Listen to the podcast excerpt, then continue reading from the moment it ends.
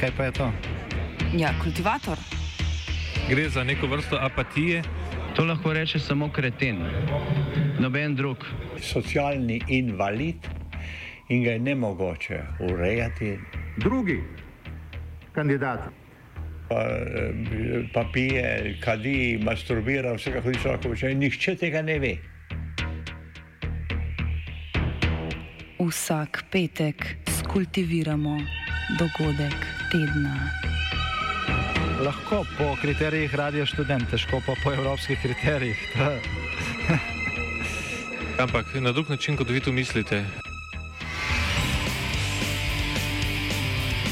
Kultivator vedno užge. da pač nekdo sploh omenja probleme, ki so in da pravzaprav sploh nekdo sproži dogajanje uh, v družbi. To drži, drži.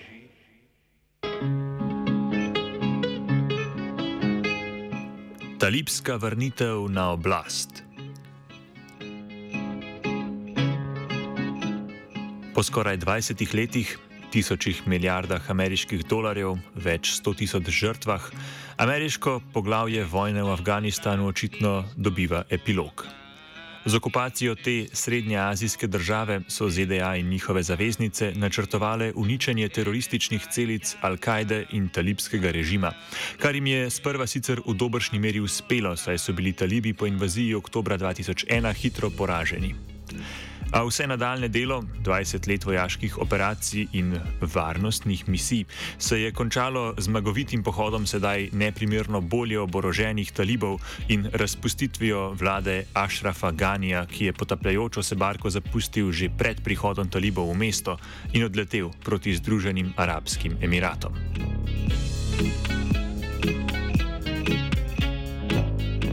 Hitrost, s katero so talibske sile osvajale mesto za mestom, in popolna kapitulacija vladnih sil, ki so Kabul talibom prepustile povsem brez boja, sta presenetili poznavalce in očitno tudi Bidenovo administracijo.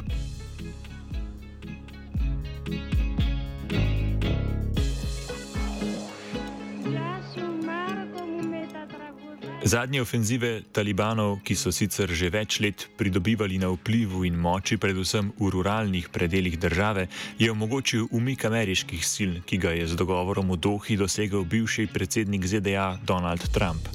Ne glede na politično pripadnost, je blamaža 20-letne vojne jasna vsem, tudi tistim v Združenih državah. Zato pa sedaj med ameriškimi mediji, politiki, pa tudi obveščevalnimi službami in vojsko poteka medijsko iskanje krivca. Tudi predsednik Joe Biden je v svojem govoru jasno povdaril, da je imel zaradi Trumpovega dogovora dve izbiri: slediti dogovoru in umakniti vojake ali dodatno okrepiti vojaško prisotnost v Afganistanu. When I came into office, I inherited a deal that President Trump negotiated with the Taliban. Under his agreement, U.S. forces would be out of Afghanistan by May 1, 2021. Just a little over three months after I took office. U.S. forces had already drawn down during the Trump administration from roughly 15,500 American forces to 2,500 troops in country. And the Taliban was at its strongest militarily since 2001.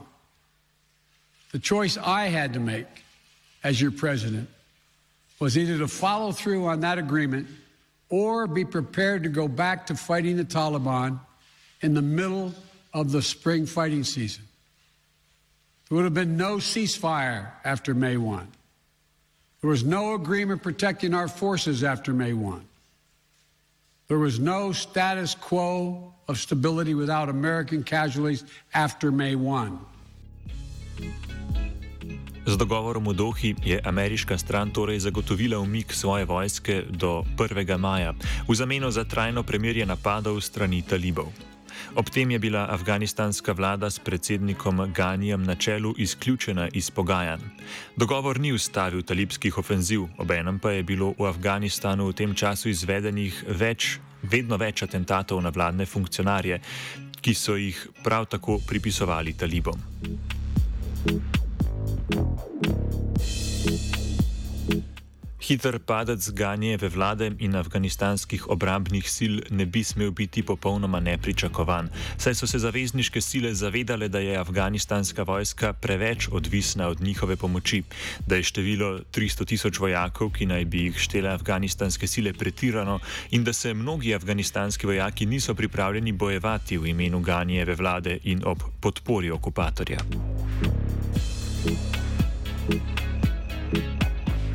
Ameriški predsednik Biden je v govoru uperil prst proti pripadnikom afganistanske vojske, češ da se v marsikaterem primeru sploh niso hoteli bojevati.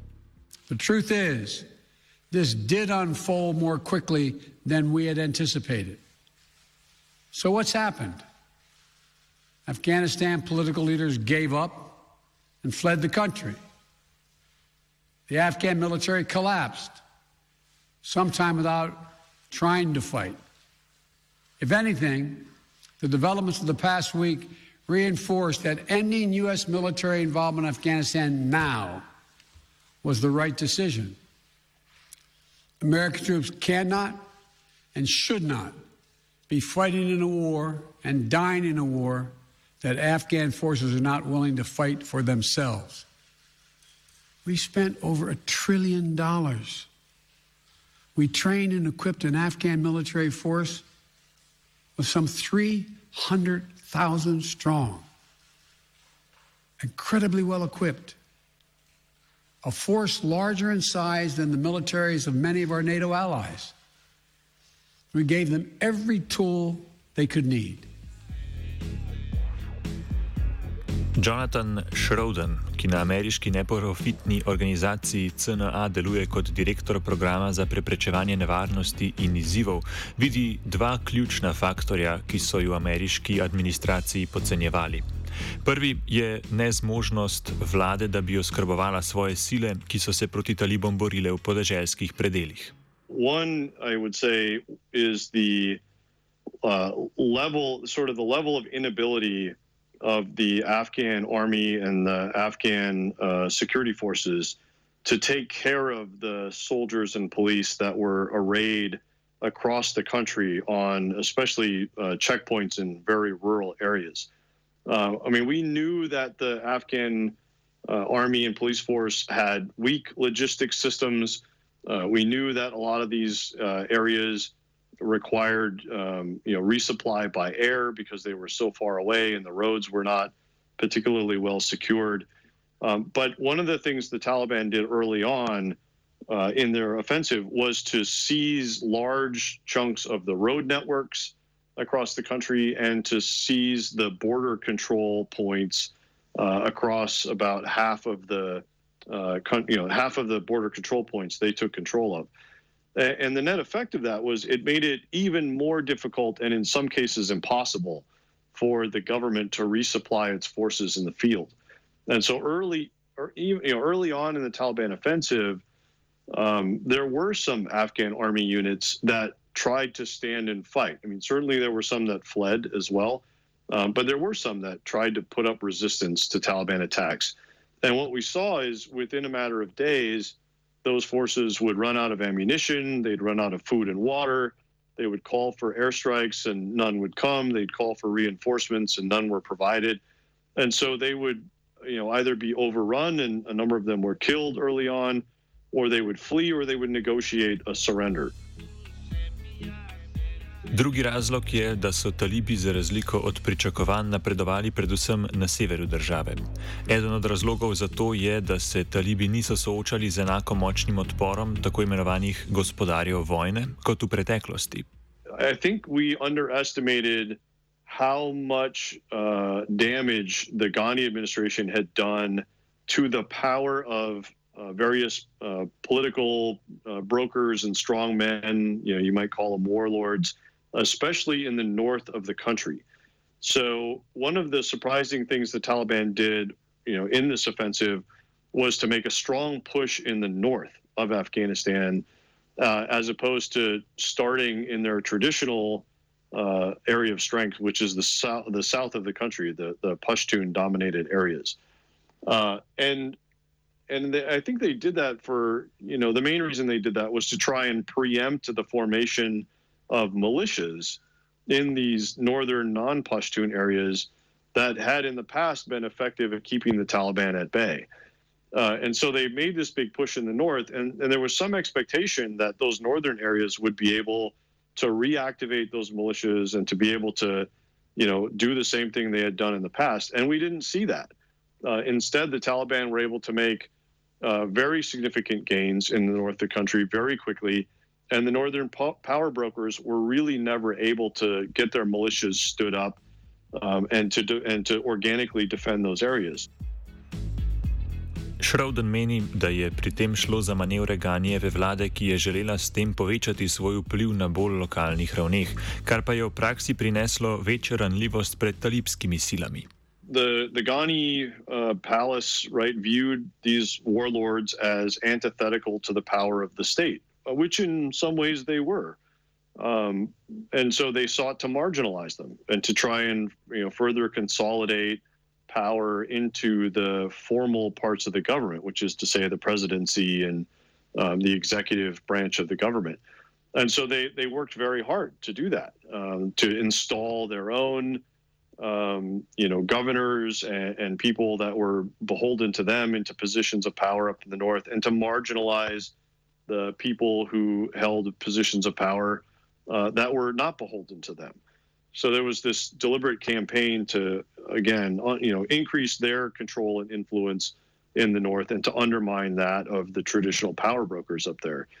Um, and you know, and while that may sound good from a sort of modern state building perspective, the reality is that uh, that's not the way Afghanistan has been governed historically. Um, historically, the way you govern Afghanistan is to uh, you know, effectively have strong men that you somehow cajole to be in your orbit. You either pay them off or you provide them weapons, you provide them positions, etc., uh, in ways that either make them loyal to you or at least make them sort of tacitly supportive of what you're trying to do.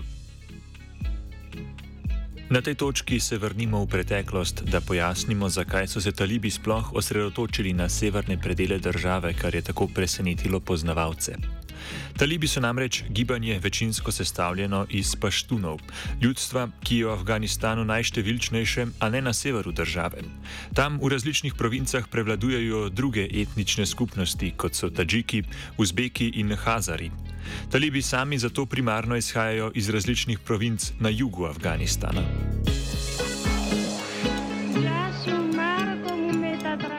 Kot vojaško-islamistično gibanje so se talibi uradno organizirali leta 1994, pet let po koncu sovjetske okupacije in dve leti po padcu vlade Mohameda Najibula, ki ga je za seboj pustila Sovjetska zveza in ki se je proti pričakovanjem in v nasprotju z ameriško podprtim Ganijem na oblasti v boju z mudžahedini obdržal kar tri leta. Talibe ne gre povsem enačiti z mudžahedini, ki so jih med sovjetsko vojno najbolj podpirali v obveščevanju obveščevalni agenciji Združenih narodov, Združenih držav, seveda CIA in Pakistana ISI, so pa predstavljali del borcev, ki jih je pakistanska vojska izurila s pomočjo ameriškega orožja in ki so v določenih primerjih celo odraščali v begunskih taboriščih v Pakistanu. Odločilni premik v vojni sredine 90-ih let se zgodi, ko Pakistanci svojo podporo usmerijo v skupino talibov in s tem premagajo prav tako paštunsko gibanje Gulbadina Hekmatarja.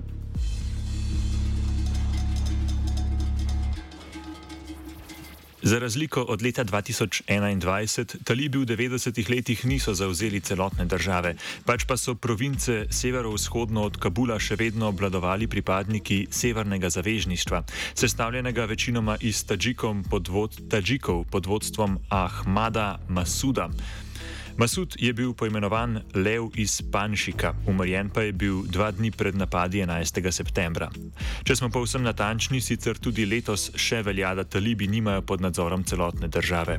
Dolina Panšir je namreč še vedno pod nadzorom borcev Masudovega sina Ahmada Masuda. mlajšega. V provinci pa naj bi se skrival tudi dosedanji podpredsednik Amrula Saleh, ki meni, da je po odstopu Ganija sam postal začasni predsednik države. Saleh in Masud se v nekaterih medijih pojavljata s prošnjami po vojaški pomoči Zahoda, a je izpolnitev želja zaradi trenutne moči talibov brško ne povsem nerealna, odpor pa obsojen na propad.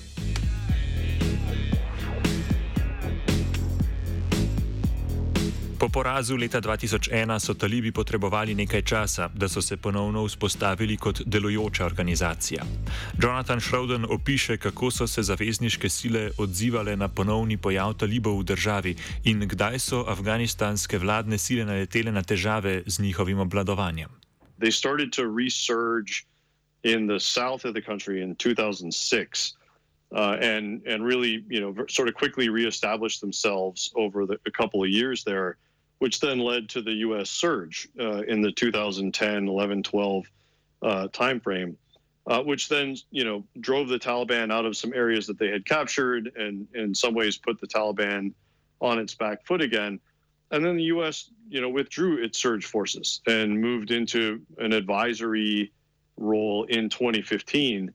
And, and really, that's when the erosion of government control uh, began uh, that that led to the situation that I described earlier. Um, you know, ever since 2015, the Taliban have steadily encroached on more and more rural areas, uh, have used those rural areas to generate more war materiel, which is to say, more recruits, more uh, resources, you know, more staging areas for those things, uh, and then they use those rural areas to project power increasingly towards the cities.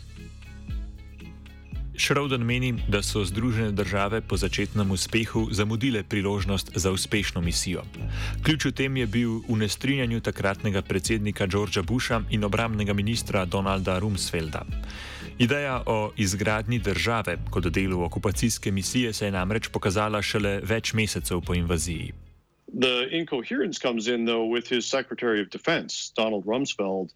Whose primary interest was getting the U.S. military out of Afghanistan as quickly as possible after the Taliban regime had been toppled. And so that that's a pretty big disparity between those two uh, two goals, which then led to a lot of incoherence in the U.S. Uh, activities and approach and sort of strategy to um, the post-invasion period of Afghanistan and that was really a wasted window of opportunity. I mean, for that, for those three to four years after the U.S. invaded, the country was relatively peaceful. There wasn't much in the way of, of violent insurgency or activity taking place throughout most of the country, uh, and there was a lot of popular support amongst Afghans for the the U.S.-led uh, intervention there in terms of you know bringing in reconstruction resources and activities and, and funding and those types of things. And so there was this window of opportunity early on that uh, the U.S. and its international partners uh, squandered, I think. Ključ do uspeha talibov je torej prav v pravočasni razširitvi na sever države. Uspelo jim je že brez vojaških akcij po letu 2008, ko so svojo moč uspeli uveljaviti bolj s pomočjo religijskih šol madras. Tu so imeli talibi podporo Pakistana. Večina lokalnih islamskih voditeljev mulahov na severu naj bi bila šolana tam.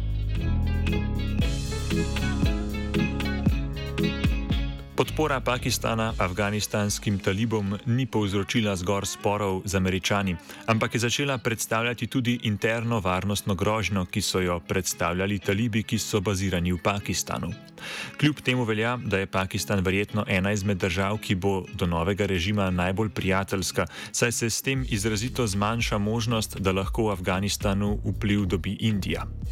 Povezavo talibov s Pakistanom podrobneje opiše Vasja Badalič, raziskovalec in poznavalec Afganistana. Povezanost je tudi etnična, saj pa štune v Pakistanu in Afganistanu loči zgolj tako imenovana Durandova črta, arbitrarno določena meja, ki je posledica interesov britanskega imperija v 19. stoletju. Mislim, da bo najtesnejše stike s to novo vlado, s tem novim talibskim režimom vzpostavil Pakistan. Pakistan je bil tudi najtesnejši zaveznik uh, tistih starih talibov, ki so vladali v drugi polovici 90-ih. Uh, Pakistan mislim, da je uh, tako podpiral talibe tudi v tem boju uh, proti afganistanski vladi. Uh, talibi so našli zatočišče v Pakistanu, eh, odkuder so potem lahko reorganizirali svoje gibanje za boj proti ameriškim in evropskim okupatorjem. Tako da mislim, da za Pakistan se bodo zdaj stvari izboljšale. Uh, mislim, da se bo izboljšali odnosi med Afganistanom in Pakistanom.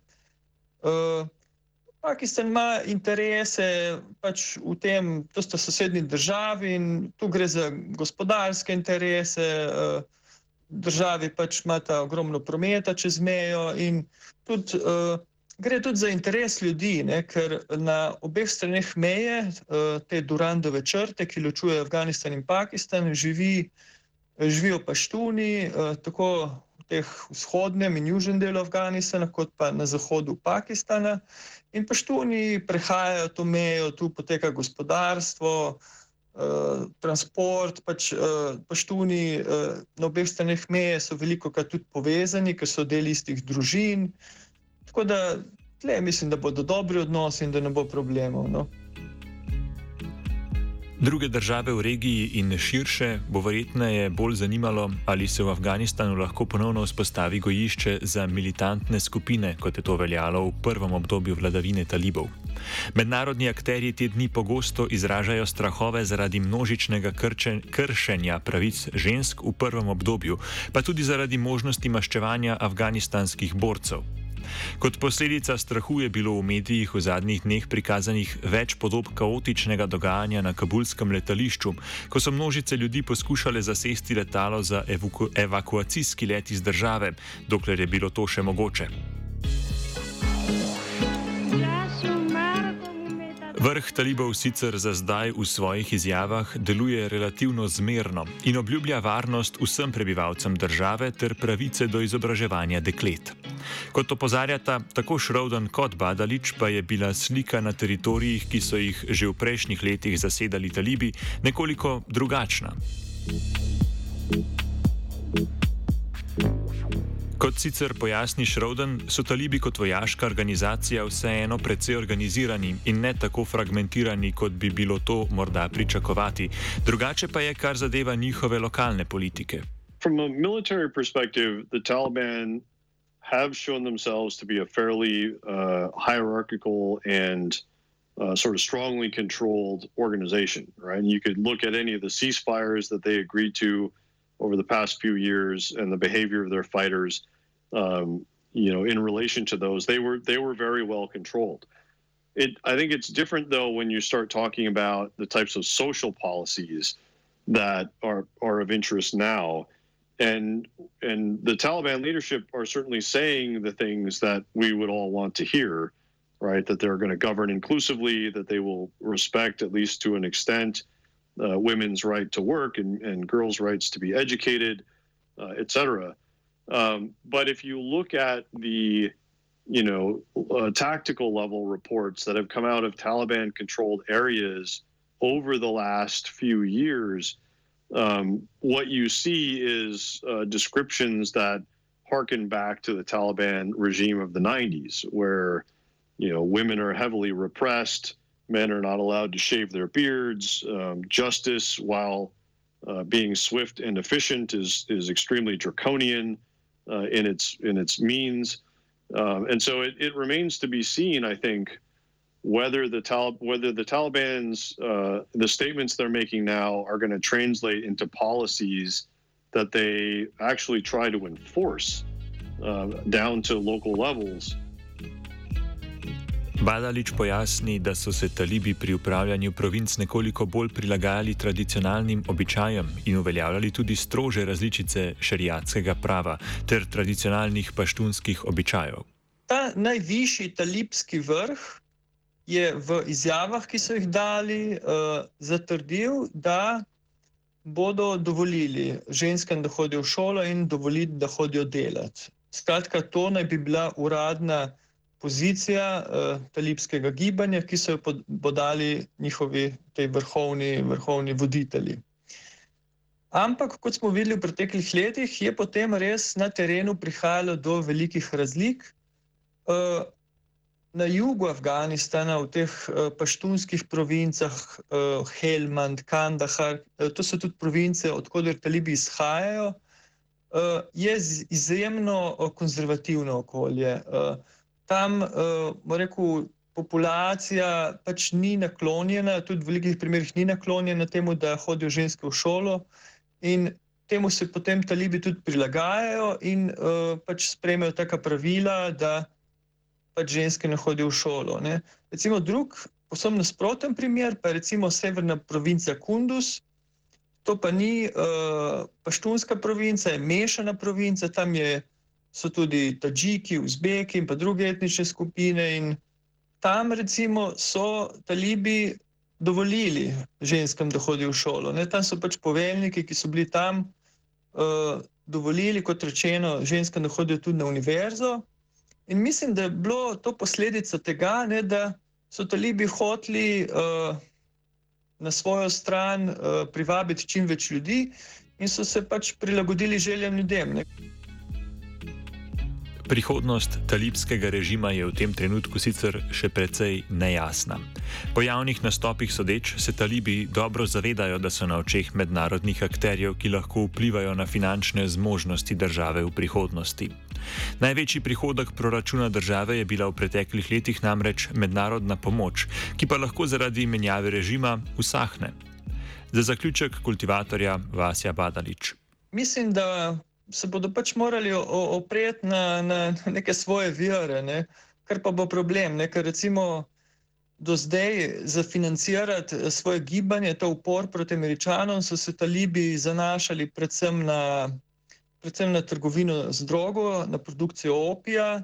To mislim, da je bil eden glavnih njihovih finančnih virov. Uh, potem tudi Eh, nekaj denarja so dobili z obdavčevanjem ljudi, ki so, uh, ki so živeli na tistih območjih, ki so jih talibi imeli pod nadzorom, nekaj pa tudi uh, od donatorjev iz, uh, iz tujine, ne, predvsem iz Pakistana. Tako da uh, bomo videli. No, mislim, mislim, da bo kar, kar težko zdaj na začetku. Morda, morda bodo našli oni kakšne nove donatorje, morda in bo sedaj, če bo mir, če bodo uspeli vzpostaviti nadzor nad celotno državo in pač vzpostaviti ta monopol nad uporabo sile, tako da bodo oni res nadzorovali vsa območja in vzdrževali mir, morda jim bo uspelo tudi uh, razviti uh, te rudnike, ne, za, pač za črpanje vseh teh rudnin, ki jih imajo. Ki Afganistan ima ogromno rudnin, je pač zelo bogat s tem in recimo, če bi jim to uspelo razviti, no, potem bi verjetno tudi dobili nek nov, uh, zelo velik vir. Kultiviral je Jure.